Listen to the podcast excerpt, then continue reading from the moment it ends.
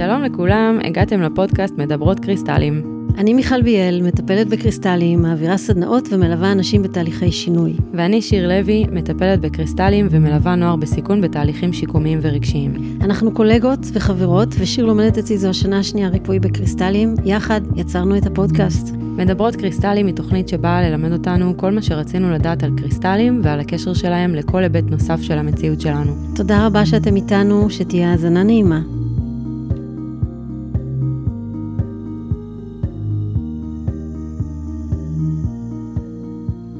שלום לכולם, הגעתם לעוד פרק של מדברות קריסטלים. היי מיכל. היי שיר. טוב, הפרק של היום אה, הוא פרק מאוד מיוחד. מאוד. אה, הכנו, הכנו את עצמנו לפרק הזה כהוגן, פרק על אה, טבעונות והקשר של טבעונות בעצם לרוחניות ולעולם הקריסטלים. אה, ונראה לי שפשוט נתחיל רגע בסיפור אישי שלך, איך את הגעת ל- להיות טבעונית, מה, מה, מה הדרך שלך שם בעולם הזה. אז זהו, אנחנו... זה, יש אנשים שכשהם יסתכלו לפודקאסט הם אולי יגידו, מה קשור? זה פודקאסט של קריסטלים ורוחניות, מה קשור טבעונות? אז אני חייבת לומר, בתור מישהי שהיא בעולם הרוחני והיא גם טבעונית, כבר אה, עוד מעט 11 שנה, אה, יש קשר מאוד מאוד הדוק, בין היתר, מבחינתי לפחות, זה לא נכון אולי לכולם, אבל לי, אני רואה במעבר לטבעונות קפיצה רוחנית אה, חזקה מאוד, ממש אה, קפיצה, אני חוויתי את זה ממש כקפיצה קוונטית, ואני גם חייבת אבל להגיד שזה לקח לי המון זמן. אז כשאני מסתכלת על זה, אני יכולה להגיד שקודם הפכתי להיות, אה, התחלתי דרך רוחנית, שלקחה אותי בנתיב שהיא לקחה אותי. מרגיש לי, כשאני מתבוננת על זה, אתם יודעים, אה, רוחניות, מבחינתי, אחת ההגדרות זה להסתכל בפרספקטיבה על דברים. זה כאילו, מהיום שהתחלתי במסע הרוחני שלי, כאילו הליווי שלי לאט לאט לקח אותי ביד ואמר לי, תלכי בכיוון. זה לא בקטע של, טוב, עכשיו לעבור לטבעונות, זה לקח לי באמת הרבה זמן. אני קודם הפחתתי, ואחרי זה עברתי לצמחונות. והייתי צמחונית 13 שנה. במהלך הצמחונות הפחתתי עוד מהחי, והורדתי את החלב פרה מהקפה. וכשהגעתי כבר לטבעונות, כבר, כבר כמעט לא נשאר הרבה שאכלתי מהחי, ועדיין זו הייתה קפיצה מטורפת. אז אני יכולה להגיד שכל מי שחושב על זה וחיובי לזה ורוצה לעשות את זה, הדרגתיות זה מעולה, כי לפעמים כשעושים את זה, אני ראיתי אנשים שהרעיון מוצא חן ביניהם וקופצים לתוך טבעונות קפיצת ראש, ופשוט חוזרים בהם כי זה, כי זה מורכב מדי. ראיתי גם אנשים שעשו את זה, מה שנקרא, אני אגיד איזה משהו לא טבעוני, cold turkey, זה כזה מושג באנגלית לגמילה. וטבעונות זה באמת סוג של התמכרות, שנולדנו איתה וגדלנו עליה, של לאכילה מהחי. ראיתי אנשים ש... שעשו את זה במכה ולא הסתכלו לאחור והיה להם מעולה. אז, אז יש ויש, אבל הדרגתיות היא, היא בעיקרון היא טובה. זאת אומרת, אני מעדיפה שאדם כלשהו יעשה את המעבר בהדרגתיות, אבל שכן יעשה אותו.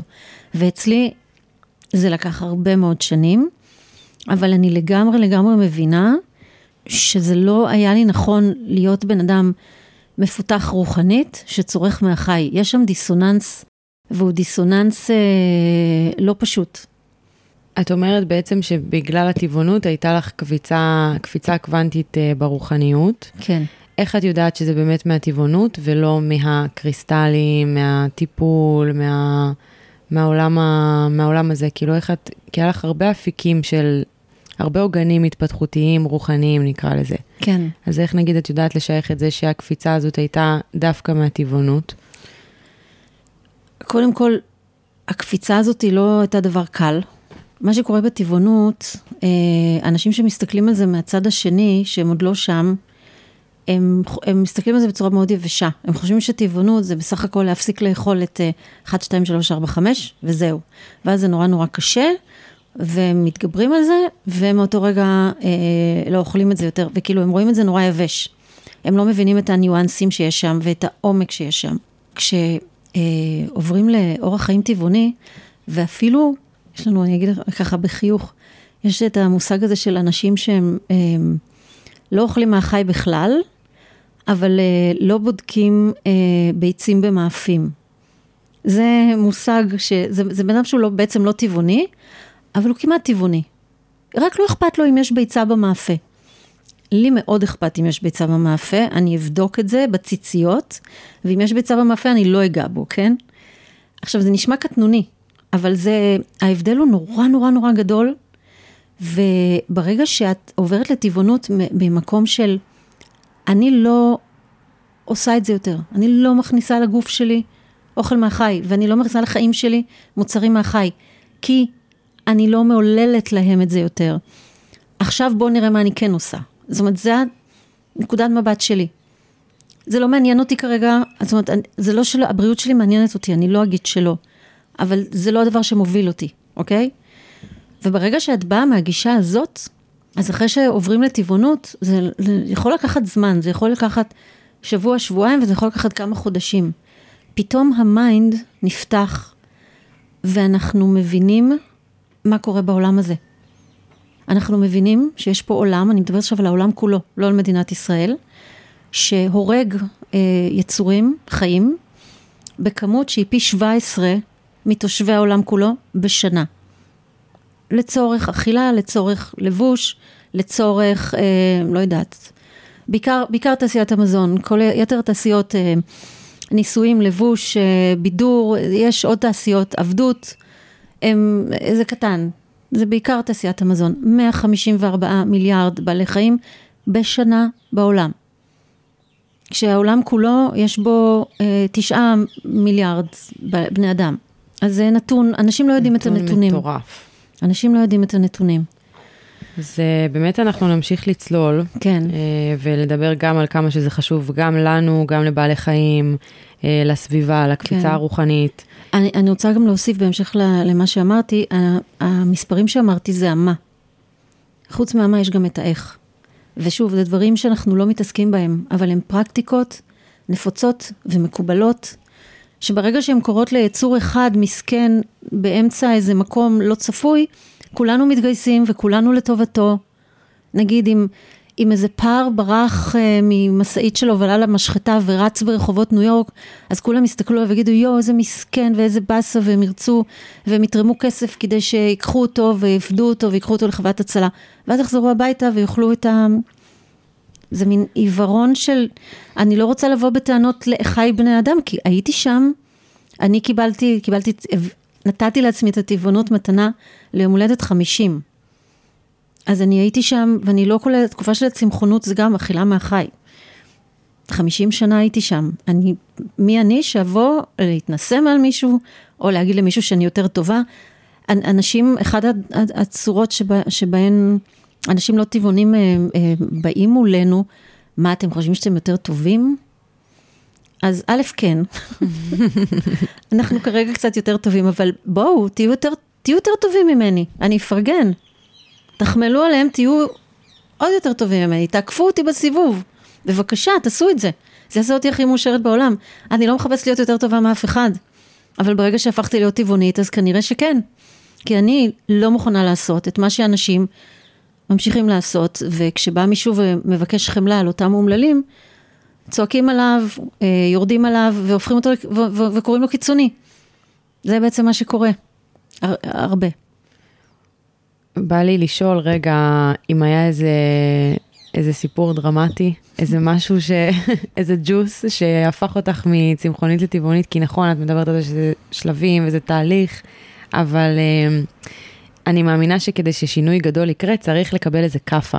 כאילו, ובאיזשהו אופן, כאפה טובה, פחות טובה, לא משנה, אבל משהו שרגע יזיז אותנו מהמסלול הרגיל, אז אולי כן. היה לך אה, משהו כזה? אז לחברים לדרך, יש כל מיני סיפורים כאלה שמישהו אה, ראה הפרדת עגל מאימו בתעשיית החלב, וזה נורא זעזע, או, או, או כל מיני סיפורים מהסוג הזה. לי לא. אה, אין לי סיפור דרמטי ברמת הכאפה. יש לי סיפור אה, מעניין, קצת ברמה הרוחנית. במקום כלשהו שאני רוקדת כבר הרבה שנים, אז ישבתי לדבר עם איזה מישהי שאיתי בחוג. בחורה מאוד מעניינת, והיא עצמה, אני הייתי כבר צמחונית, וכנראה הבשלתי מבפנים כבר לטבעונות, זה כבר התחיל אה, איכשהו לדבר אליי מבפנים. אני הערצתי טבעונים, אני לא האמנתי שאני אצליח להיות טבעונית. לא האמנתי שאני אצליח לוותר על, אה, לא יודעת, ביצים וגבינות שמאוד אהבתי, ואולי קצת אה, מאכלי ים, אבל זה בעצם מה שאכלתי אז מהחי, כבר הייתי צמחונית וכבר כמעט לא נגעתי בחלב ניגר, מה שקורה. ואז ישבתי איתה לשיחה, והיא סיפרה לי על בעלה, שמסתבר שהוא טבעוני כבר שנה וחצי, והוא עשה את זה במכה, הוא כנראה נחשף לאיזה משהו, לאיזה הרצאה. טריגר אצל הרבה מאוד אנשים, אה, אנחנו נדבר על זה עוד מעט, זו הרצאה של פעיל בשם גרי יורובסקי, תזכרו את השם. זה מה שנקרא האקדח במערכה הראשונה, אנחנו נביא לכם אותו בהמשך. יהיה לנו פה הרבה כן. כישורים. הוא ראה את ההרצאה של גרי יורובסקי, הוא הפך להיות uh, טבעוני באותו רגע, והיא סיפרה לי עליו, על uh, איך הוא חי ואיך הוא חושב, ואיך זה משפיע על החיים המשותפים שלהם, עוד לא היה להם ילדים. ואני מקשיבה לה בפה פעור, ממש שותה בצמאון כל מילה. ואז אני אומרת לה, את יודעת, יש לי הרגשה שאני הולכת בשביל הזה בקרוב, ואני לא מכירה אנשים שהם טבעונים. אני חושבת שאם אני אעשה את זה, אני אצטרך מישהו שאני אדע שהוא שם, והוא כבר שם איזשהו פרק זמן, ואני אוכל לפנות אליו ולשאול אותו שאלות, סוג של מנטור. את חושבת שאם אני אפנה לבעלך, הוא יסכים להיות המנטור שלי? זאת אומרת, זה, זה לגיטימי מצידך שאני אפנה אליו, זה בסדר? היא אמרה לי, ברור, ברור. פניתי אליו, והוא היה ממש מקסים, והוא ענה לי גם על כמה שאלות, ואמר, בוודאי מה שאת צריכה, ונדמה לי שהחלפנו טלפונים. ואז היה לי מנטור, ואני חושבת שקצת אחרי זה, הטבעונות שלי יצאה לדרך. אני באמת לא זוכרת את היום שזה קרה. אצלנו הטבעונים, הטבעונים שבאים מהמקום החמלתי, מה שנקרא האקטיביסטים, יש לנו את המושג שנקרא טבעון הולדת. כי באמת, כש, כשהופכים להיות טבעון, טבעונים, יש פתאום הרגשה כאילו כל החיים מתרסקים ונבנים מחדש. כאילו פתאום כבר מיכל הקודמת לא קיימת ויש מיכל חדשה, אה, במובנים מסוימים. זה, זה תהליך לא קל. זה לא, לא פשוט, לא ציפיתי לזה, וזה היה כזה, טוב, מי אני ומה אני עכשיו? אני כבר לא מי שהייתי קודם, הדברים לא ברורים לי, ופתאום כל מי שצורך מהחי, זה נראה לי לא נכון, ואני עוד לא מכירה מספיק אנשים שלא. אני רוצה להגיד תודה מקרב לב גם לפייסבוק וגם לארומה, שאז היה, היום יש מלא בתי קפה עם מלא אופציות טבעוניות, אז לא היה כלום. וארומה היו... ארומה היו שם, היה להם, היו להם אופציות והתחלתי דרך הפייסבוק להתחבר לקבוצות ולאנשים ולפעילויות, ואני גם הלכתי קצת למחאות. זו הייתה תקופה מאוד מאוד מעניינת, לא כל כך פשוטה, אבל אה, וואו. ומה שקורה זה שהמודעות פתאום נפתחת, זה תהליך רוחני, ולכן אני ידעתי שזה קשור לטבעונות. והאיך, ההבנה של מה בעצם עושים להם. כאילו, כל הדברים שלימדו אותנו, כל ה... שהפרה נותנת חלב והתרנגולת נותנת ביצים, ו... ו... ואנחנו עושים טובה לפרה שאנחנו חולבים אותה, וכל מיני שקרים איומים שמאחוריהם מסתתרות פרקטיקות מזוויעות, כלל עולמיות. זה לא רק במדינת ישראל, שעושים למיליארדים של בעלי חיים כל הזמן. וזה פשוט זה מאוד, אה, מאוד מאוד קשה וכואב. אני רוצה להגיד אה, עוד מילה לגבי אותו מנטור שלי, שהוא היה אז פעיל בעמותה שקוראים לה Animals, עמותה של הסברה, שיש להם פרויקט אה, מאוד מאוד חשוב שנקרא אתגר 22, אני אדבר עליו בהמשך, והם גם עושים הרצאות, ב, הם עושים הרצאות בחטיבות ביניים בעיקר. ואני, כשהייתי עוד צמחונית, אני עם הקריסטלים, הייתי מרצה, יש לי יכולת לעמוד מול קהל, פניתי לאנימלס ורציתי להרצות בהתנדבות. הם שאלו אותי אה, מה התזונה שלי, ואמרתי להם שאני אוכלת אה, מהחי, כל מיני דברים. אני מגיע, מגיעה לטבעונות, אני בדרך. כן, אני, אני מאוד בעד, אבל אני... אז הם אמרו לי, אנחנו מאוד מצטערים, יש פה איזה כפל של מוסר, וזה לא... את לא, אם את אוכלת מהחי, את לא יכולה לעשות את ההרצאות שאנחנו עושים. אם יום אחד תעברי לטבעונות מלאה, תפני אלינו. ואז עשיתי את המעבר, הפכתי להיות טבעונית, והיה איזה רגע, זה לא היה מיד, זה לקח איזה, איזה שבועיים, שלושה, שכזה, כזה, פתאום טינג כזה, ונורא נדלקה, אמרתי, רגע, עכשיו אני יכולה לפנות לאנימלס, אז קראו להם אנונימוס, אני יכולה לפנות אליהם ואני יכולה להציע את עצמי, ועכשיו הם לא יכולים להגיד לי לא, כי הם בטח ישמחו להגיד לי כן, כי אני טבעונית. והתקשרתי אליהם כולי שמחה, ואמרתי להם, אה, אני טבעונית, אני רוצה לבוא להרצות, והם אמרו, בואי, בואי, נדריך אותך וזה. והייתי מרצה שלהם במשך כמה שנים, הייתי מסתובבת עם מצגת בחטיבות ביניים, ומה שהיה מעניין זה שהמנטור שלי, הוא היה אה, מעביר את ההרצאה הזאת גם, ובדיוק הוא ואשתו נסעו, נסעו לחו"ל, הוא הלך לעשות דוקטורט, וממש לפני הנסיעה, ממש ערב המעבר שלי לטבעונות, הוא שלח לי הודעה ואמר, לפני שאנחנו נוסעים לחו"ל, אני עושה, בבניין שלנו יש איזה חדר כזה שאפשר להקרין, אני עושה אמ, איזושהי מצגת עם הרצאה אה, שקשורה לטבעונות, בואי, את מוזמנת. וכזה באתי וראיתי את המצגת ואת ההרצאה, זאת ההרצאה שאני אחר כך אה, הלכתי איתה. זאת אומרת, הוא כמו, הוא לא התכוון לזה, הוא לא היה מודע לתהליכים שקורים, אבל הוא כמו העביר לי את השרביט, וואו. ואז הוא נסע, ואני במשך כמה שנים אה, עשיתי את ההרצאה. אחר כך כבר אה, לא הרציתי, אלא פשוט הפכתי להיות אה, מדריכה באתגר 22, ששוב, משהו שנדבר עליו בהמשך. ובעצם גם את, אם מישהו רוצה לפנות אלייך אה, ב- בשאלות לגבי טבעונות וייעוץ והכוונה, אז נכון, את אה, בעצם אה, עם זרועות פתוחות, ללא תשלום. חד משמעית. אני מורה לקריסטלים, להילינג, אני מטפלת, מי שרוצה לפנות אליי בהיבט הזה, אז זה המקצוע שלי והם משלמים לי. מי שרוצה לפנות אליי כי הוא רוצה להיות טבעוני, זה בחינם.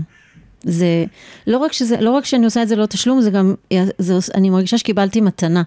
כל בן אדם ש, שעובר לטבעונות, בין אם זה קשור אליי או לא, ממלא אותי אושר. שליש גן עדן. ממש, זה, זה, זה, זה, זה ממש אני מרגישה שקיבלתי מתנה. וואו, אז אה, אפשר לפנות אלייך דרך המייל, דרך האתר, כן, דרך האינסטגרם, כן, אה, כל... כן. אה, כל דרכי היצירת קשר איתך מקובלות בעניין הזה. כן, אני רוצה להגיד שאותו אתגר 22, פשוט תחפשו את זה, ב, תחפשו את זה בגוגל, זה פרויקט חינמי של עמותת אנימלס, שקיים כבר מ-2014, עוד מעט עשר שנים. וזה פרויקט נהדר, עושים תהליך של אה, חודש וקצת, עם עוד קהילה, עם מדריכים, עם תזונאיות, וכל השאלות, וכל המתכונים, וטיפים, ותמיכה, וקהילה. כשעוברים לטבעונות, אחד הדברים שחשוב שיהיה לנו זה קהילה. אנחנו רוצים אנשים סביבנו שהם באותו תהליך. זה המקום לציין שיש לך קבוצת פייסבוק גם, שיש את הקריסטלים ואנחנו, שזו קבוצה אחת, שהיא כן.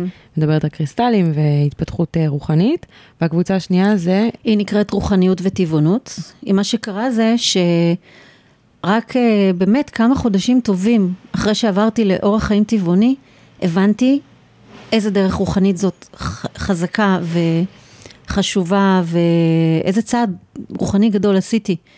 ואז אני גם הבנתי שאני כנראה אחד האנשים שמתאימים, זאת אומרת יש אנשים שמדברים על אה, טבעונות ואקולוגיה, ויש אנשים שמדברים על טבעונות וחמלה, ויש אנשים שמדברים על טבעונות ובריאות, כל אחד לפי ההכשרה שלו.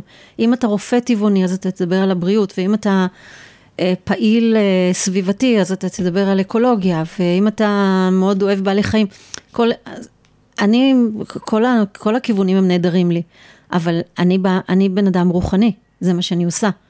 אז אה, היה לי מאוד חשוב גם להגיד, להסביר לאנשים, בעיקר לקהל שלי, שבא ללמוד אצלי, אני, אני מאוד נזהרת אגב, אני לא מתנפלת על אנשים ומנסה לשדל אותם להיות טבעונים, אבל אני בהחלט uh, מסבירה, ויש לא מעט אנשים שבאו ללמוד אצלי, ו...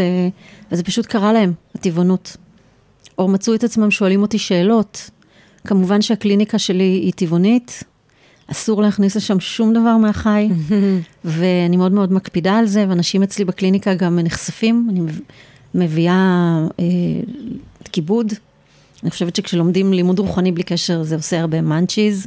כן. אנשים אוהבים אה, לנשנש. אני רוצה להגיד לך שיר שזה נורא, זה חשוב שאני עושה את התוכנית הזאת דווקא איתך, ולא שאנחנו איזה שתי טבעוניות אקטיביסטיות, כי את, אני חושבת שאת תהיי טבעונית במהרה בימינו, זאת אומרת, אני לא דוחפת אותך לשום מקום, אבל זו, זאת דעתי. וואי, זה קורה. כי אני רואה, אני רואה אותך הולכת בכיוון, אבל את עוד לא שם. כן. וזה, את מאוד, את מאוד אה, חיובית לזה. את מאוד מכילה את זה, את מאוד תומכת בזה, ואת גם כבר עושה שינוי. אה, את כבר לא, כמו שהיית כשהכרתי אותך לפני שנה, מבחינת התזונה, כן. דברים כבר השתנו. חד משמעית. אבל זה חשוב שהתוכנית הזאת דווקא נעשית על ידי שני אנשים שאחת מהם היא דווקא עוד לא טבעונית, ואת רואה את הדברים מה, כאילו קצת מהצד השני. כן, חד משמעית. אה, אולי באמת זה יהיה המקום אה, לפטפט קצת על המקום שלי במערכה הזו של טבעונות. אה, אז הייתי באמת צמחונית מגיל שמונה, שזה סופר צעיר עד גיל 20. שזה מדהים. אה, גיל שמונה, ההורים שלי כזה מבשלים. אני לא יודעת אם סיפרתי לך את זה, אבל אה, ההורים שלי הכינו טחול, אוי, זה כזה דוחה. לא, לא סיפרת לי את זה. הם, כאילו יש כל מיני, אצל אבא שלי המרוקאי יש כזה כל מיני קורקבנים, כל מיני מאכלים פשוט הזויים כאלה. גם אצלנו הרומנים. בסדר. ו, ו, והם פשוט מילאו טחול, וכל השיש, אני זוכרת את זה באמת, כאילו זה היה אתמול, הכל היה מלא בדם. אז אני שואלת את אימא שלי, את יודעת, כזה ילדה בת שמונה, מה, מה זה הדבר הזה, מזועזעת? אז היא אומרת לי, זה בשר. ואז פתאום החיבור הזה בין להבין שזה דם, בשר, אנחנו, יש לנו דם, יש לנו בשר, כאילו, למה שאני אוכל את זה? זה הרגיש לי ממש לא אינטואיטיבי נכון, ומאז לא הייתי מוכנה לגעת בשום דבר שקשור בבשר. עד גיל 20, שאבא של איזה מישהו שיצאתי איתו, אה, הכין קציצות, והיה לזה ריח פשוט, כאילו זה, זה הזכיר לי משהו מהגן, לא יודעת, משהו מטעמי ילדות, שאולי זה גם באמת המקום לדבר אה, עוד רגע על, על החלק הזה של להיפרד מטעמים של בית, מאכלים של אימא, או כל מיני דברים כאלה. אז אני מרגישה שזה באמת יכול לבוא לי לחיים בצורה הדרגתית, וכן יש את הנושא הזה שטבעונים מטיפים, או שהם זורקים את העובדות חזק לפרצוף, או שתיקה רועמת, או כל מיני מחאות מאוד מאוד חזקות שטבעונים היו עושים אה, ברחבי הארץ. אה, אז מה באמת את חושבת על, ה, על העניין הזה, על האיזון בין אה, לייצר איזו מחאה ולעורר את רמת המודעות, לבין האנטי שיכול להיווצר לאנשים? אוקיי, אני הייתי שם, אני הייתי במחאות, אני עשיתי מחאות. עשיתי מחאות. קודם כל הייתי שם. הייתי, עשיתי מחאות רועמות, כולל לעמוד ברחוב עם מגאפון, וואו. ועשיתי מחאות שקטות, שתיקות רועמות, וואלה. וגם, כן, וגם הייתה, היה אפילו איזה פעיל ממש חמוד שהיה עושה אה, מח, מחאת האהבה, לא, לא מחאת האהבה, הוא היה קורא לזה, אה, שכחתי איך הוא קרא, אה, אה, הוא קרא לזה רטריט החמלה או משהו כזה. זה היה, היינו עומדים ברחוב עם אה, שלטים שעליהם תמונות של חיות מתוקות, ושניים מאיתנו היו מחבקים את עוברי אורח, ושמים מוזיקה וואו. כזאת מגניבה, ומחברים לאנשים דרך אהבה ודרך הטוב. עשיתי את כל הסוגים של המחאות. זה, זה בעיה, כי אני מאוד מבינה את המקום של האנטגוניזם.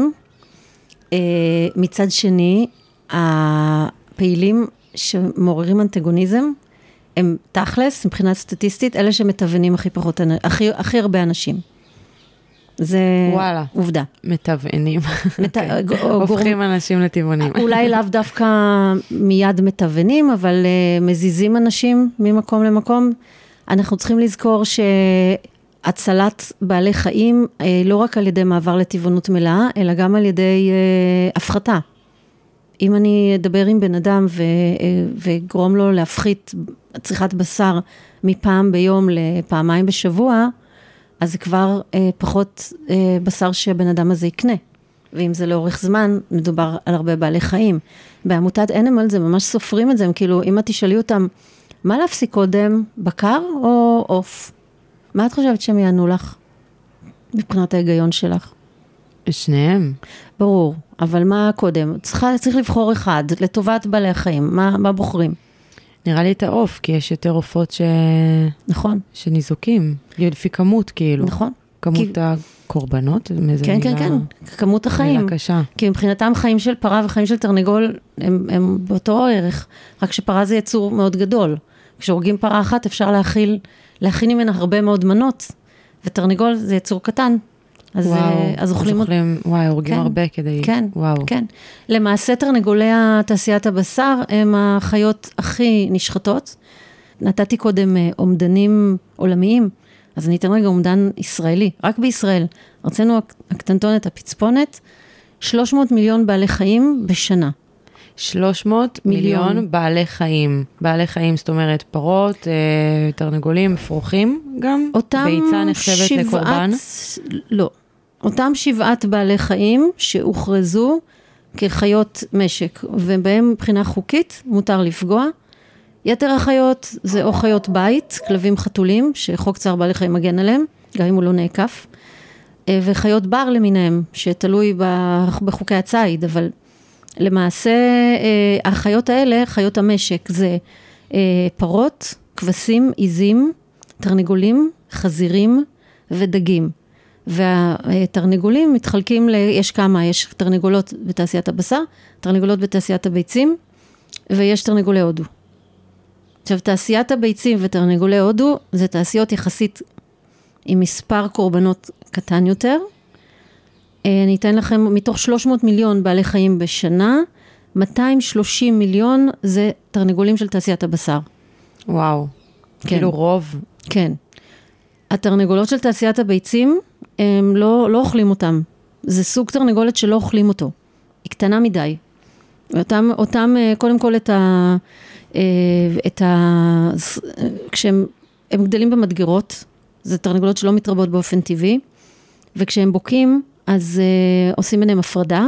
יש פועלים שרואים, אני לא יודעת בדיוק איך הם בודקים את זה, אבל הם, הם רואים מי זכר מי נקבה, הזכרים הם, הם, הם סרח עודף. זו מילה שכדאי, כל מי שרוצה להיות טבעוני כדאי שילמד את המילה הזאת. סרח עודף זה משהו בתעשיית המזון מהחי, שהוא תוצאה של התעשייה, אבל אין בו באמת שימוש. אז הזכרים בתעשיית הביצים הם סרח עודף, אין מה לעשות איתם, לכן בכל מדינה על פי החוקים שלה אה, הורגים אותם בצורה אחרת. ובישראל בלבד מדובר ב-15 אלף ביום. וואו. 15 אלף אפרוחים ביום. אז אה, במדינת ישראל לא הורגים אותם בגז, כי אנחנו הרי היינו בשואה.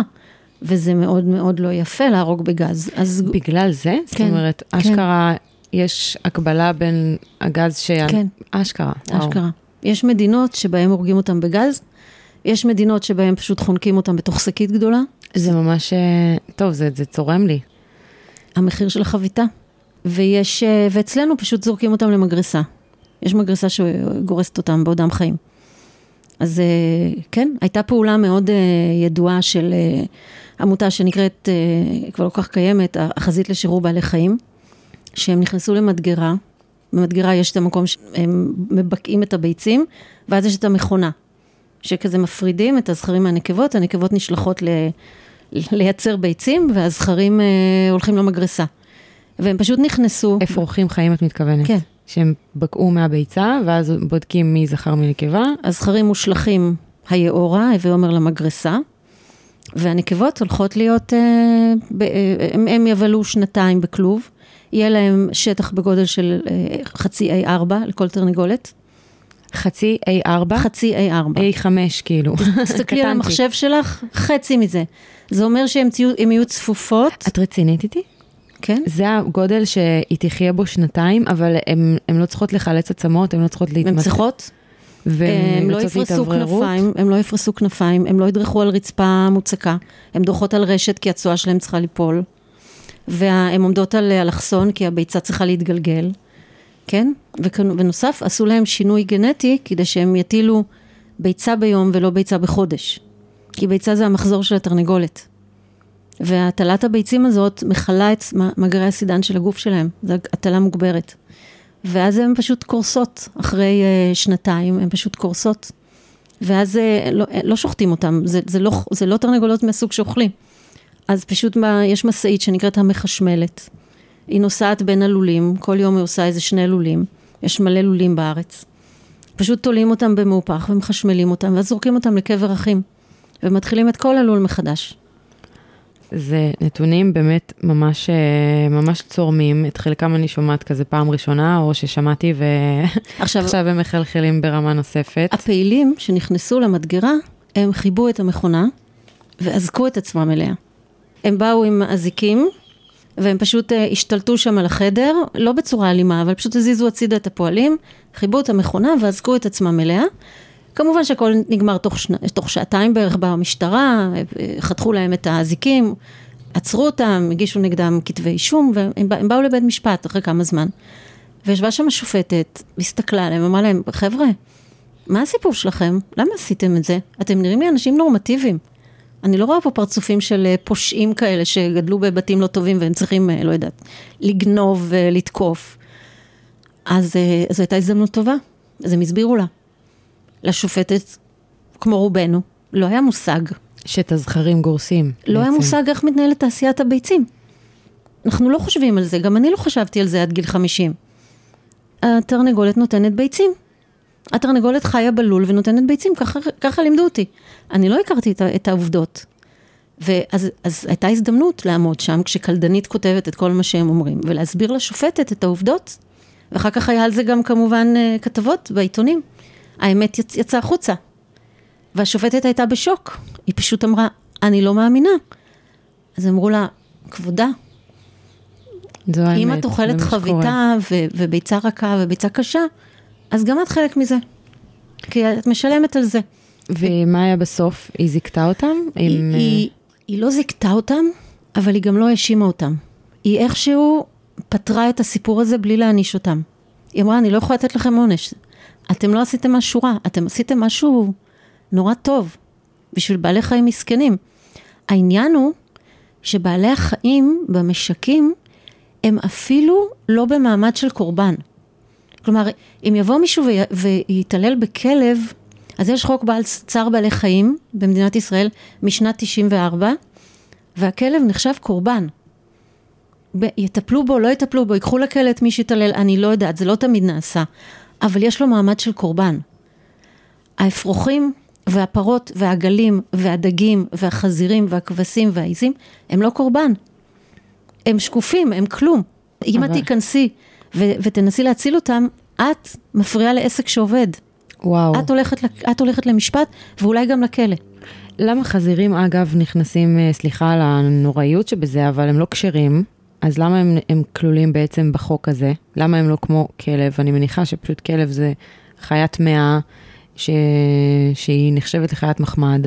יש מדינות בעולם שזה מאוד מקובל לגדל גם חזיר כחיית מחמד. כן. אז למה בארץ הם, מה עושים איתם בעצם במשחטות, כאילו...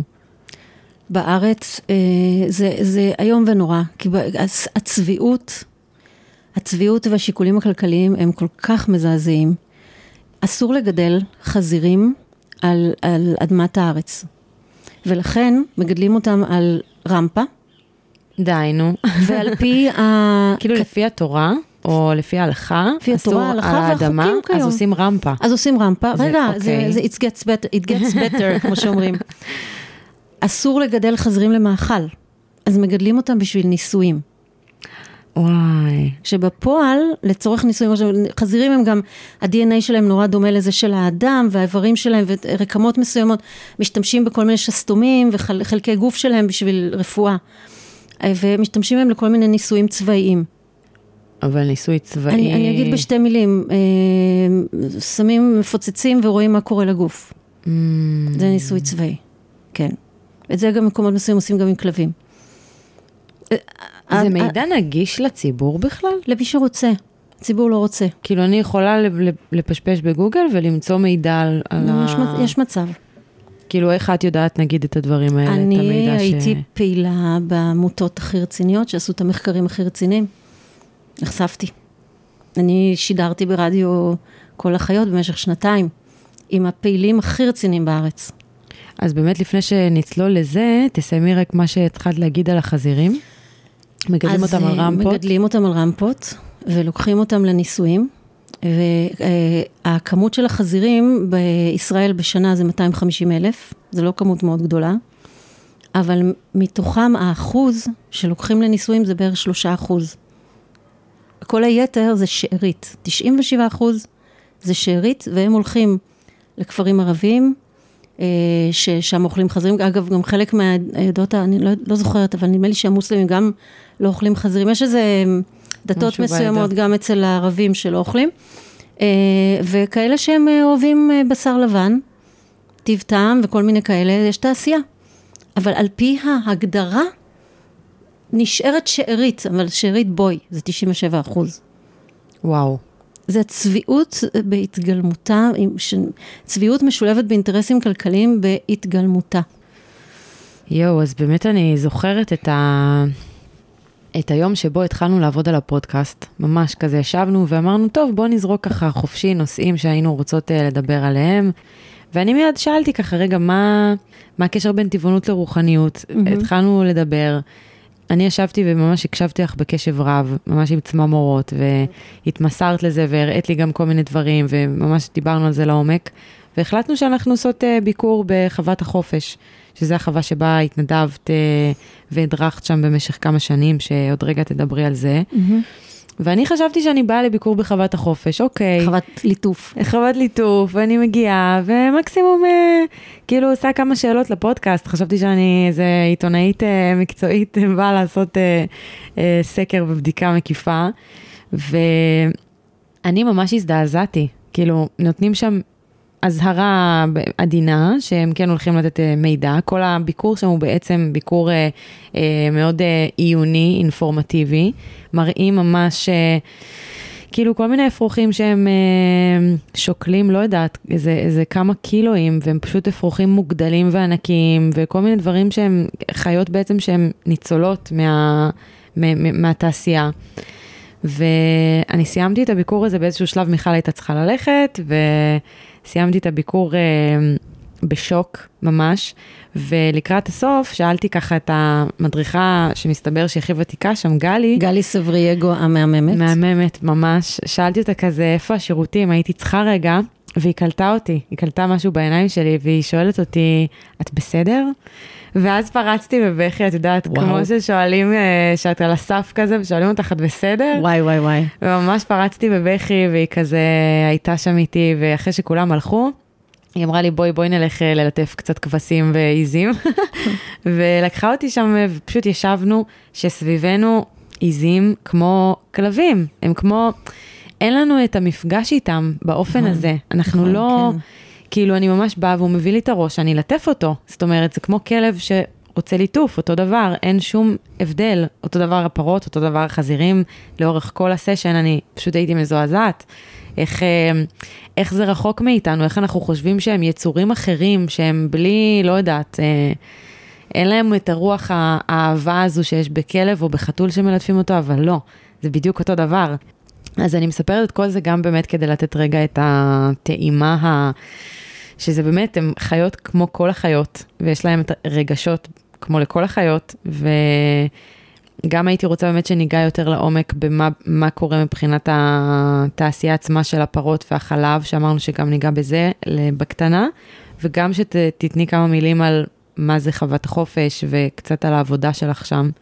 אוקיי, okay. אז תראי, אה, אז, אז חוות החופש זה מיזם חינוכי שהוקם בשנת 2016 על ידי שתי נשים מדהימות, עדית רומנו ומיטל בן ארי, שהם אה, באו מעולם העסקים, כל אחת הייתה לה איזושהי קריירה באיזושהי חברה וקריירות מוצלחות, ושתיהן הפכו להיות טבעוניות, והם אה, החליטו שהן אה, פותחות חוות הצלה.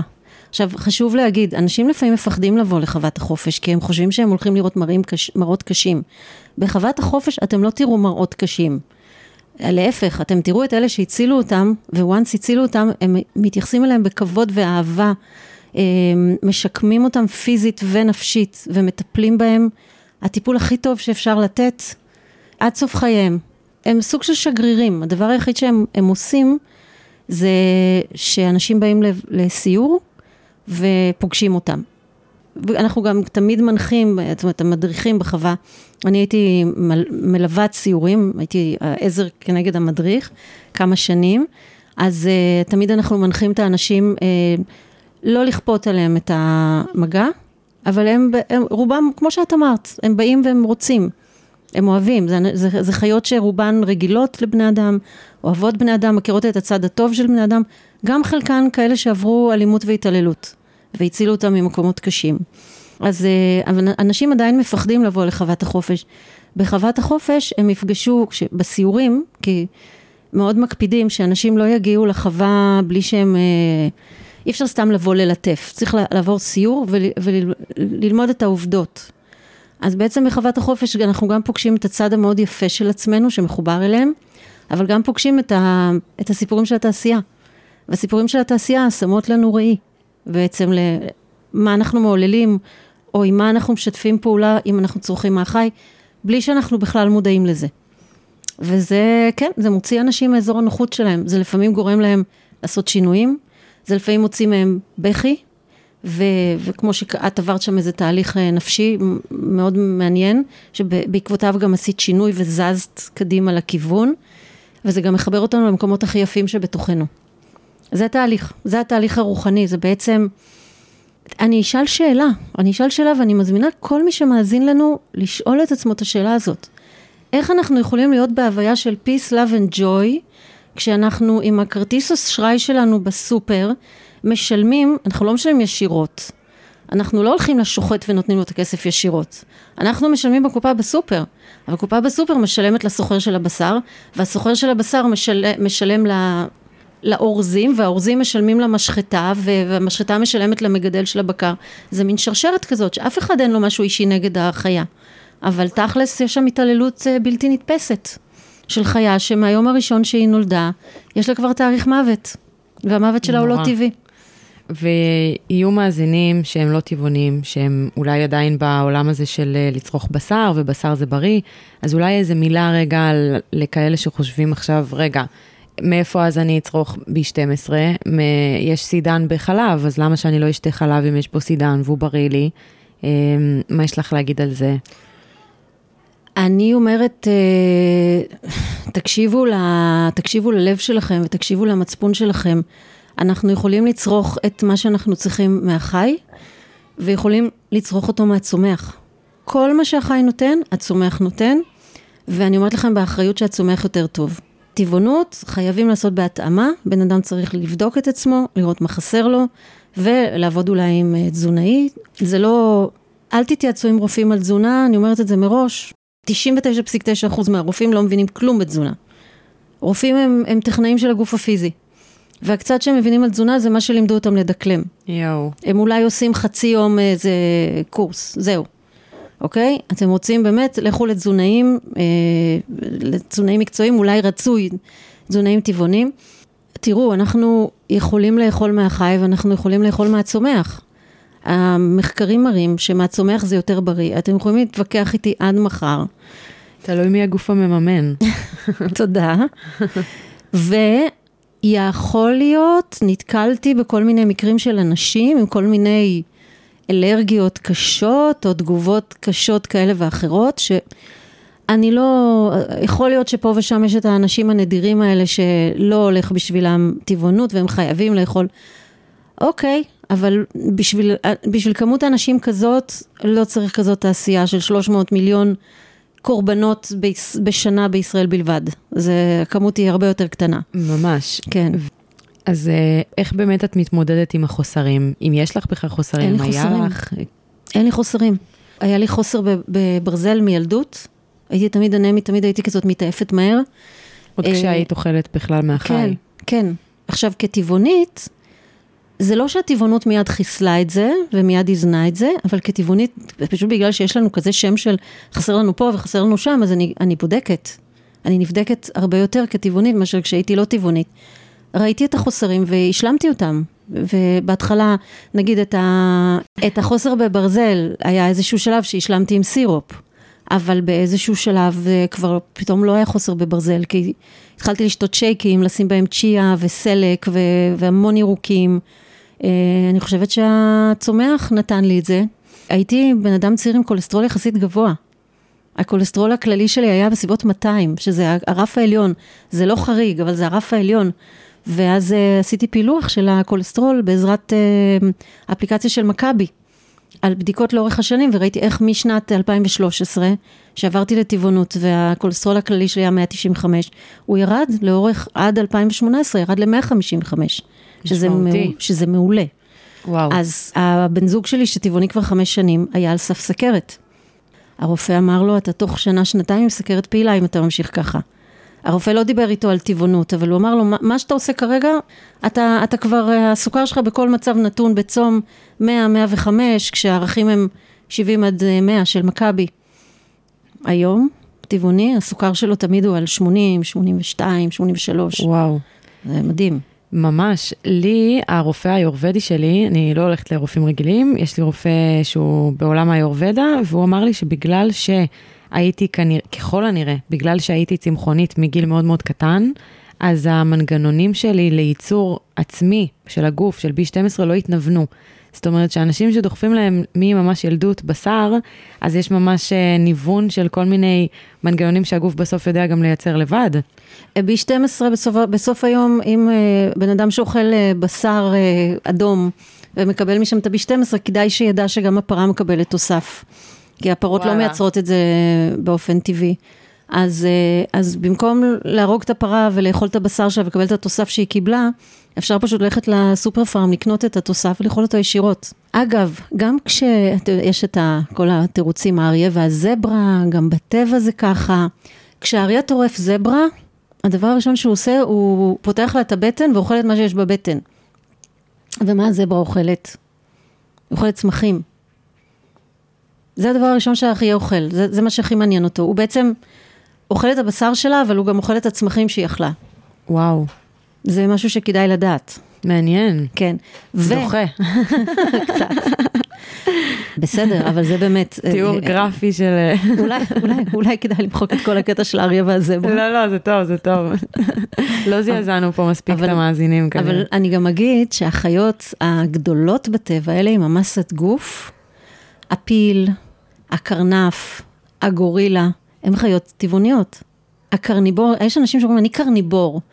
נשמה, אתה לא קרניבור. קרניבור, יש לו, ש- הניבים שלו ארוכים פי חמש מהשיניים הרגילות. נכון, יש לך ניבים מחודדים, אבל הם באותו אורך כמו כל השיניים האחרות. בוא, הקיבה שלך, האורך שלה איזה 20 מטר, קרניבור, הקיבה שלו, אם תיקחו את כל המעיים ותמתחו לאורך זה חמישה מטר. וואלה. לקרניבור יש ציפורניים ארוכות, הוא יכול לתפוס את הטרף שלו, לשסע אותו ולאכול אותו חי. הקיבה שלו וכל המערכת שלו בנויה לזה. וואלה, אם אותי עכשיו שמים בסוואנה ואין לי שום דבר, ויש רק כל מיני איילות וזה, ואני צריכה לרוץ אחריהם, לתפוס אותם, להרוג אותם עם הידיים שלי ולאכול אותם לא מבושלות, אני, את חושבת שאני יכולה לעשות את זה? לא נכון. נראה לי. נכון, גם לא מטורף. אדון קרניבור, לא. חתול זה קרניבור. זאב וואו. זה קרניבור. נמר זה קרניבור. אנחנו את, את מין יצור כזה שהוא אה, בנוי לאכול צמחים, אבל יכול גם לאכול בשר. ואומרים, היסטוריונים אומרים שפשוט היה מבול מתישהו. המבול, תקופת נוח באמת קרה. ומה שקרה זה שהמבול הרס את הצמחייה לתקופה לא כל כך קצרה, של בערך אלפיים שנה. ככה זה בערך אלפיים, אנחנו לא חושבים על זה, זה תקופות מטורפות. אז בני אדם ששרדו את המבול, נאלצו בלית ברירה לצוד חיות ולאכול אותן. וירא כי טוב, תקשיבי, אני בת של רומני שעשה על האש. אני אהבתי בשר, ועמוק בפנים, אני עדיין אוהבת בשר. כשאני מריחה ריח על האש, זה בא לי. ואני רוצה להגיד שאני לא הפסקתי לאכול בשר, אני פשוט אוכלת אותו מהצומח. ויש אנשים לא טבעונים שזה נורא מעצבן אותם, למה את קוראת לזה בשר? ולמה את צריכה לאכול דברים שהם כמו? יש אנשים שזה ממש מעצבן אותם. למה זה מעצבן אתכם? אני אוהבת את זה, אני הפסקתי את זה כי אני חומלת על בעלי חיים. ואני חומלת על הגוף שלי ואני חומלת על הפלנטה. תנו לי לאכול את, ה... כן. את הגרסה הצמחית. את יודעת, אגב, לפי המסורת של היהדות, מה הופך אה, חיה לחיה כשרה ולא טמאה? חיה שהיא צמחונית. פרות הן צמחוניות, כבשים, עיזים, כל מה שאנחנו אוכלים שהוא נחשב לחיה כשרה, חלק מהמאפיינים של חיה כשרה לאכילה היא שהיא תהיה צמחונית. אז אני רוצה לספר לך משהו, שאת אולי עוד לא יודעת, גם אני לא ידעתי אותו, אבל פרות הן כבר לא כאלה צמחוניות, כי בשביל לחסוך כסף, אה, אז גם מגדלים, הורסים יערות ומגדלים בשבילם אה, סויה ותירס, כדי שהם יוכלו לאכול ואז אפשר יהיה לשחוט אותם ולאכול אותם. אבל לפעמים אה, פשוט לוקחים את ה... נגיד ששוחטים פרה, אז יש חלקים בגוף שלא משתמשים בהם למאכל, אז לוקחים את הכל, טוחנים את זה, עושים מזה כופתאות, כופתיות כאלה קטנות, ומאכילים אותם. ולפעמים מאכילים אותם בכופתיות של דגים. כך שלמעשה פרות הפכו להיות בשנים האחרונות, א', טורף ימי מאוד רציני, יואו. בלי שהם התכוונו לזה, וב' הם כבר לא כאלה צמחוניות, ומחלת הפרה המשוגעת, שבשנות, נדמה לי בשנות ה-70 התפרצה בבריטניה, היא כתוצאה מזה, שלקחו חיה שלא אמורה לאכול מהחי, ונתנו לה לאכול מהחי. וכל המנגנון של הפרות השתגע. אז בעצם יש uh, מזון שונה שהחיות האלה אוכלות, והן בסביבה שהיא שונה, הם בתנאי לחץ וסטרס, ומפמפמים אותם בטח, אני משערת, אנטיביוטיקה ותרופות ותוספים, וכל המערכת שלהם לחלוטין אחרת, וזורם להם בגוף ממש הרבה סטרס. ואז אנחנו אוכלים את זה. זאת אומרת, לא רק שאנחנו אוכלים משהו שהוא מת, אנחנו גם אוכלים משהו שהוא אנרגטית, נשמע לי פשוט נורא ואיום לאכול את זה. כן. כאילו בסוף אם אנחנו חושבים על מה שהחיה עוברת, ועל הטיפול בה והכל, ואז אנחנו מכניסים את הדבר הזה לגוף, אז, אז יש בזה המון אה, אנרגיה אה, לא טובה. אני תוהה איך זה משפיע, כי גם ברמה הרוחנית, הרי לפי היהדות אנחנו לא אוכלים חיה שהיא לא צמחונית, כי יש בה את הרוח הזו של הטרף. אז אנחנו לא רוצים ברמה הרוחנית להיות גם כאלה, אז אני תוהה מה אנחנו מכניסים לגוף. מחקרים הראו בבירור שאנשים שאוכלים בשר, יש, נטייה, יש בהם יותר אלימות. זה, זה, זה דבר אלים לאכול בשר, את מכניסה את האנרגיה הזאת לגוף שלך. Uh, אגב, יש גם uh, עכשיו את ה... מתחילים לייצר בשר מתורבת, שהוא בשר אמיתי לכל דבר. אין בו אלימות, אין שם אנטיביוטיקה, לא הורסים שטחים. מוסרית אין לי שום בעיה עם זה.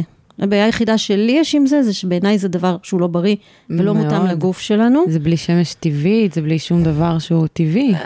חוסר השמש זה הבעיה האחרונה של הדבר הזה, זה פשוט משהו שהוא לא מתאים לגוף שלנו, אבל אה, זה יפתור את הבעיה של הרבה מאוד אנשים שרוצים לאכול בשר אמיתי, ואולי לא רוצים להשתתף באכזריות ולא רוצים להרוס להם.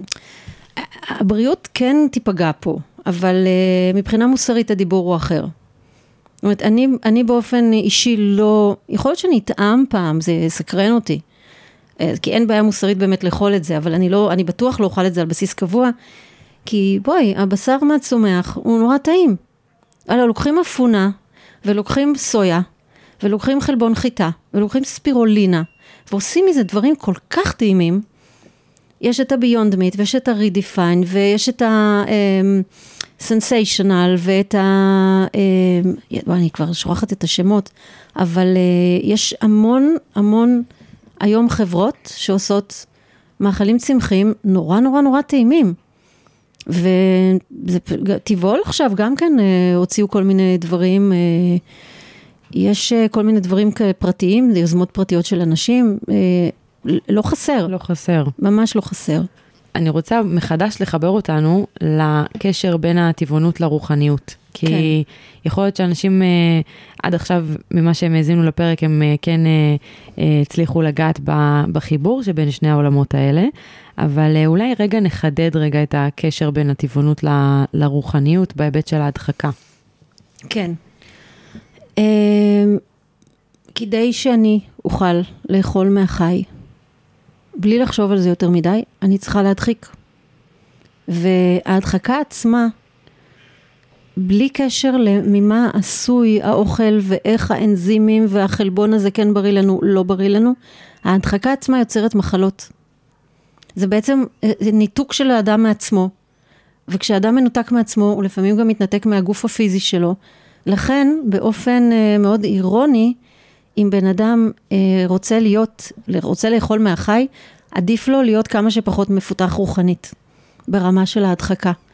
אם אני מסתכלת על, ה, אה, על, האוכל, על האוכל מהחי והאכילה מהחי כמאה אחוז גורמים למחלות שונות, הייתי אומרת שממה זה עשוי, האוכל מהחי, והקטע הרוחני, הדחקה וזה, הייתי אומרת שההדחקה זה יותר מחצי מהגורם. וואו.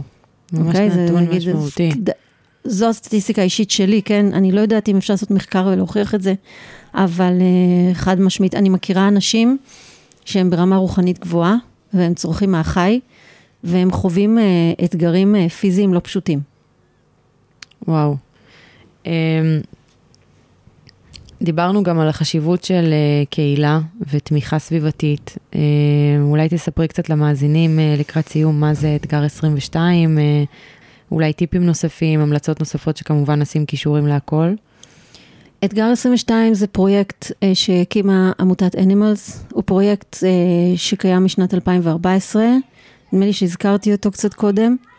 זה פרויקט חינמי, אה, כל אחד יכול להצטרף, ובעצם זה, המילה 22 מבוססת על איזה מחקר פסיכולוגי שלא קשור לטבעונות, שעשו שבשביל, שהאדם בשביל לעשות שינוי של הרגלים, ואנחנו מסתכלים על האכילה מהחי כעל הרגל, כעל אפילו התמכרות, צריך במשך אה, שלושה שבועות להתמיד בשינוי.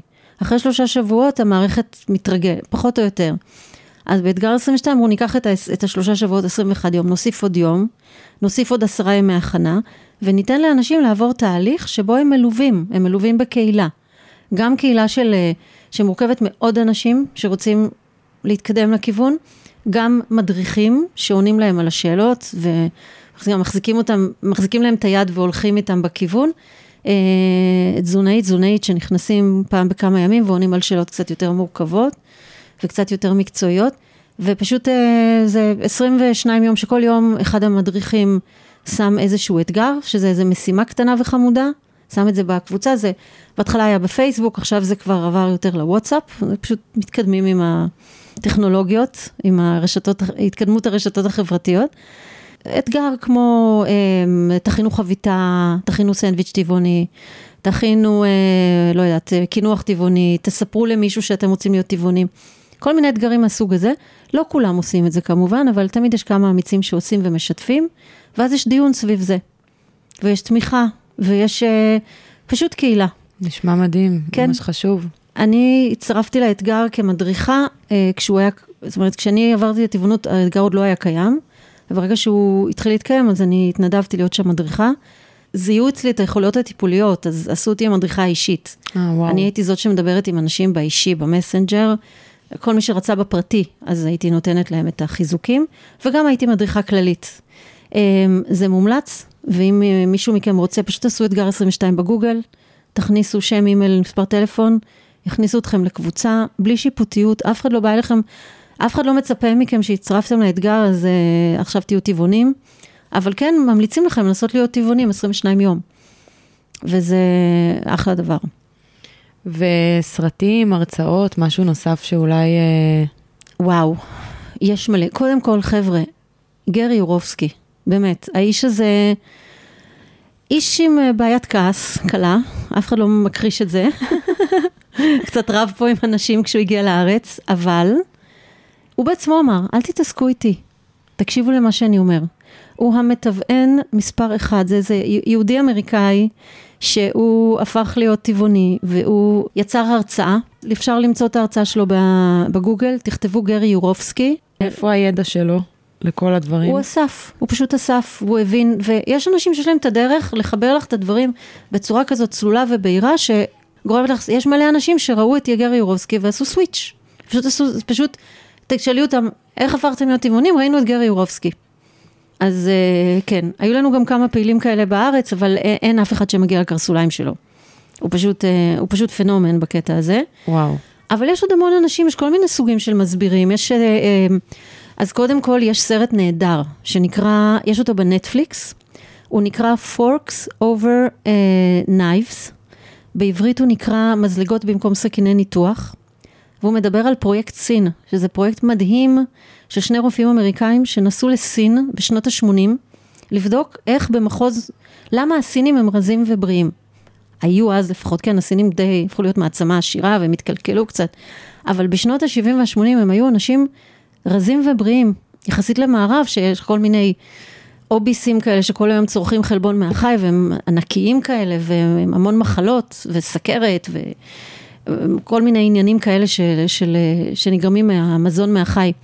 הם הלכו לבדוק את זה, ישבו שם כמה שנים בסין, ויצרו את המסמך הזה שנקרא פרויקט סין. וואו. אתם יכולים גם לחפש בגוגל את המושג הזה, The China Project, או פרויקט סין אפילו בעברית. יש ספר שיצא, מאוד מעניין.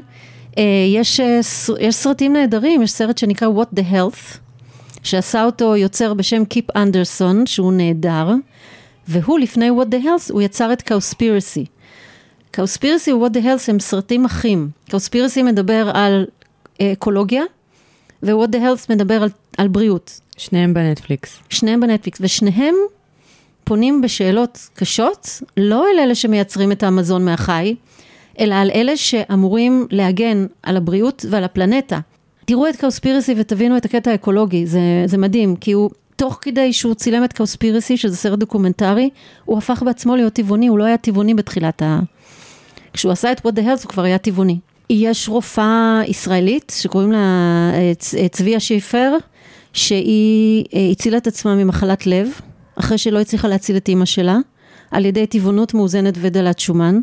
והיא ממש, אה, זה, זאת הרצאה שהכל, היא, היא רופאה, היא מלומדת, היא מביאה מאמרים ש, ש, שפורסמו בכתבי עת נחשבים. וואו, גם זה נשים אה, את המאמר, לגמרי, כמובן. לגמרי, זה מאמר בעברית של רופאה בת זמן, היא אמנם רופאת ילדים, אבל היא רופאה והיא בדקה את זה לעומק, ובאמת, זה סיפור נורא מרגש.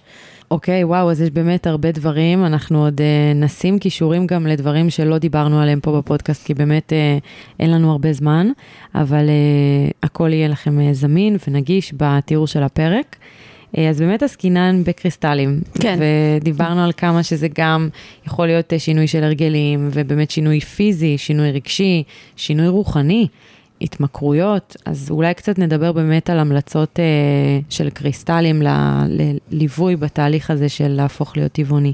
אז ככה, קודם כל, סמוקי קוורץ, שהיא אבן שטובה לאנשים שנגמלים מהתמכרות, ואכילה מהחי זה אה, אחת ההתמכרויות העתיקות של המין האנושי.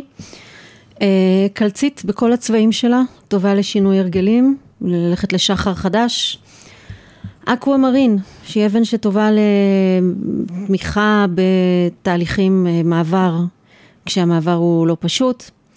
אה, אמזונייט נפלאה, אמזונייט זה אבן האותנטיות, זה לעמוד מול, ה, מול העולם ו, ולהיות בדעה אחרת ממה שהעולם רגיל, ולהגיד אני עם האמת שלי, אז אמזונייט היא נפלאה לזה. אה, קריסטל קוורץ מתוכנת תמיד טוב, לוקחים גנרטור של קריסטל קוורץ שקופה, ושולחים אליה במדיטציה איזשהו מסר אה, של יעזור לנו וילווה אותנו, ואז ללכת עם האבן עלינו.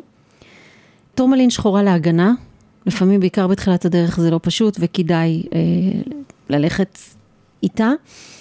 apophyllite ירוקה באופן כללי עוזרת להתחבר לבעלי חיים לסוגיהם, כנ"ל גם הקלציט הירוקה, היא מאוד טובה לחיבור לבעלי חיים. אה, לרימר, אבן התכולה אה, מדהימה, עוזרת לתקשר עם בעלי חיים, להבין את שפתם. ויש עוד אבן שהיא פחות ידועה, יהיה קצת קשה להשיג אותה, אבל נקראת staurolite, מגבירה את היכולת לתקשר עם בעלי חיים. אה, בטח יש עוד, זה ככה על קצה המזלג, העיקריות. העיקריות.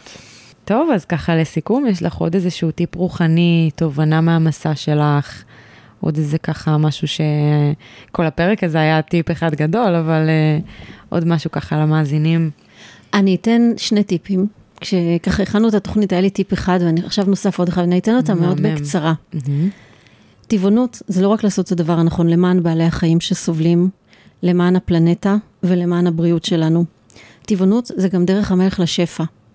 ואני אומרת חד משמעית, השפע בחיים שלי הלך וגבר, אולי זה עוד לא התחיל אה, רק מהטבעונות, זה התחיל כבר מהצמחונות, אבל אני הייתי בכיוון. אני הורדתי והורדתי והורדתי את ה... את ה ככל שהשארתי מעליי את הצריכה מהחי, ככה השפע בחיי הלך וגבר. וואו. כן, אני, אני מורה לשפע, אז אני חייבת להגיד את זה חד משמעית, שאם היו לי את החסמים האלה, שה, שההדחקות, שה, שהאכילה מהחי אה, מחייבת אותם, אני לא יודעת אם הייתי, אני מדברת עליי, כן? לא יודעת אם הייתי יכולה להיות ברמת השפע שאני חווה כיום. זה דבר אחד. טיפ שני רוחני, תעשו מדיטציה עם אה, תפוח נגיד, עם איזשהו אה, פרי. שבו מול העץ של הפרי ות, ותחזיקו את הפרי ביד ותדמיינו את הפרי הזה מרגע שהוא נוצר, מרגע שהוא היה, היה גרעין שצמח ממנו העץ והעץ אה, הלך וגדל והשורש שלו התאבע ויצאו לו עלים ואז יצא, יצא הפרי ופשוט תעשו מדיטציה על כל התהליך הזה, זה ממש ממש ממש קסום. אם תנסו לעשות את אותו תהליך עם איזשהו מוצר שהוא מהחי, וואלה, זה לא קסום. לא קסום. זה לא קסום בכלל. זה לא, זה לא ראיתי את זה בא. כולי עם התפוח, השורשים. את עוד עם התפוח, כן. אז אה, כן, אז תנסי לעשות את זה עם סטייק. פחות? זה נראה מאוד, הרבה פחות. Uh, למי שמהמאזינים שזה גרם זעזוע, אין מה לעשות, הזעזוע הוא לא, הוא לא בגלל שמיכל קיצונית, מיכל לא קיצונית, מיכל רוצה להציל אותם, מיכל רוצה שאתם תהיו יותר בריאים ושלהציל את הפלנטה וש, ו, ושבעלי החיים, אף אחד לא יזיק, יזיק להם, אבל האמת היא, היא קשוחה, האמת היא קיצונית, זה מה שחשוב להבין, ברגע שנבין את זה, אז, אז באמת תשאלו את השאלה מה אני יכול לעשות. אתם יכולים לעשות הרבה. כל אדם שעובר לטבעונות מלאה מציל בערך 400 בעלי חיים בשנה. וואו. לכל אחד מהם זה עולם ומלואו.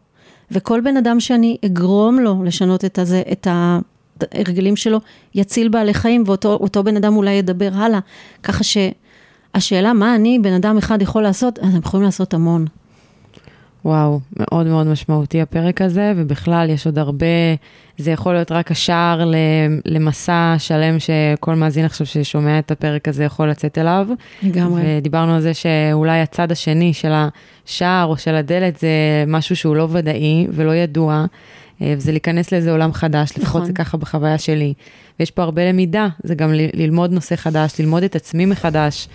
אה, אז, אז אה, כמו לכל דבר חדש שמגיעים זה, איתו. זה הארכיטיפ של לחצות את הרוביקון, זה לחצות איזה נהר שבצד השני יש משהו שאנחנו, אמרו לנו שהוא טוב, אנחנו לא יודעים מהו. זה קצת מקום של חוסר נוחות, או לפתוח דלת ובאמת להיכנס לאיזה מקום שיש שם משהו שאנחנו לא יודעים מה יש שם, אבל אמרו לנו שזה טוב. האדם פוחד מהלא ידוע, אבל הלא ידוע זה, זה להרוויח הכל, הכל. יש כל הסיבות הטובות בעולם לעבור לטבעונות. וכמובן, כמו שאמרנו, את uh, שם בשביל כל מי שצריך, uh, ליווי וייעוץ, וגם הקבוצה שלך ועוד כל מיני פלטפורמות אחרות uh, שקיימות שם, רק מי שמחפש מוצא. חד משמעית. אנחנו, יש לנו איזו סיסמה כזאת לטבעונים, בכל מקום, בכל זמן. מקסים, ממש לא מובן מאליו. טוב, תודה רבה מיכל, זה היה פרק מדהים. שיר, תודה על, ה, על הכנגד שאת, לא, לא הכנגד, על הנוכחות שלך פה. שהיא לא מובנת מאליה בכלל, ועל התהליך הנפלא שאת עושה, וזה מרגש ממש. תודה, תודה רבה מיכל על הכל. עד כאן הפרק של היום, תודה שנשארתם איתנו עד הסוף. אם הפרק הזה עשה לכם טוב והשאיר את עולמכם, אתם מוזמנים להעביר אותו הלאה. אחת לשבועיים מתפרסם פרק של הפודקאסט שלנו בכל פלטפורמות ההאזנה. אתם מוזמנים לשמור אותנו על קשר דרך דפי האינסטגרם שלנו, באתר הקריסטלים של מיכל, cmw.co.il ובקבוצת הפייסבוק הקריסטלים ואנחנו. להתראות בפרק הבא.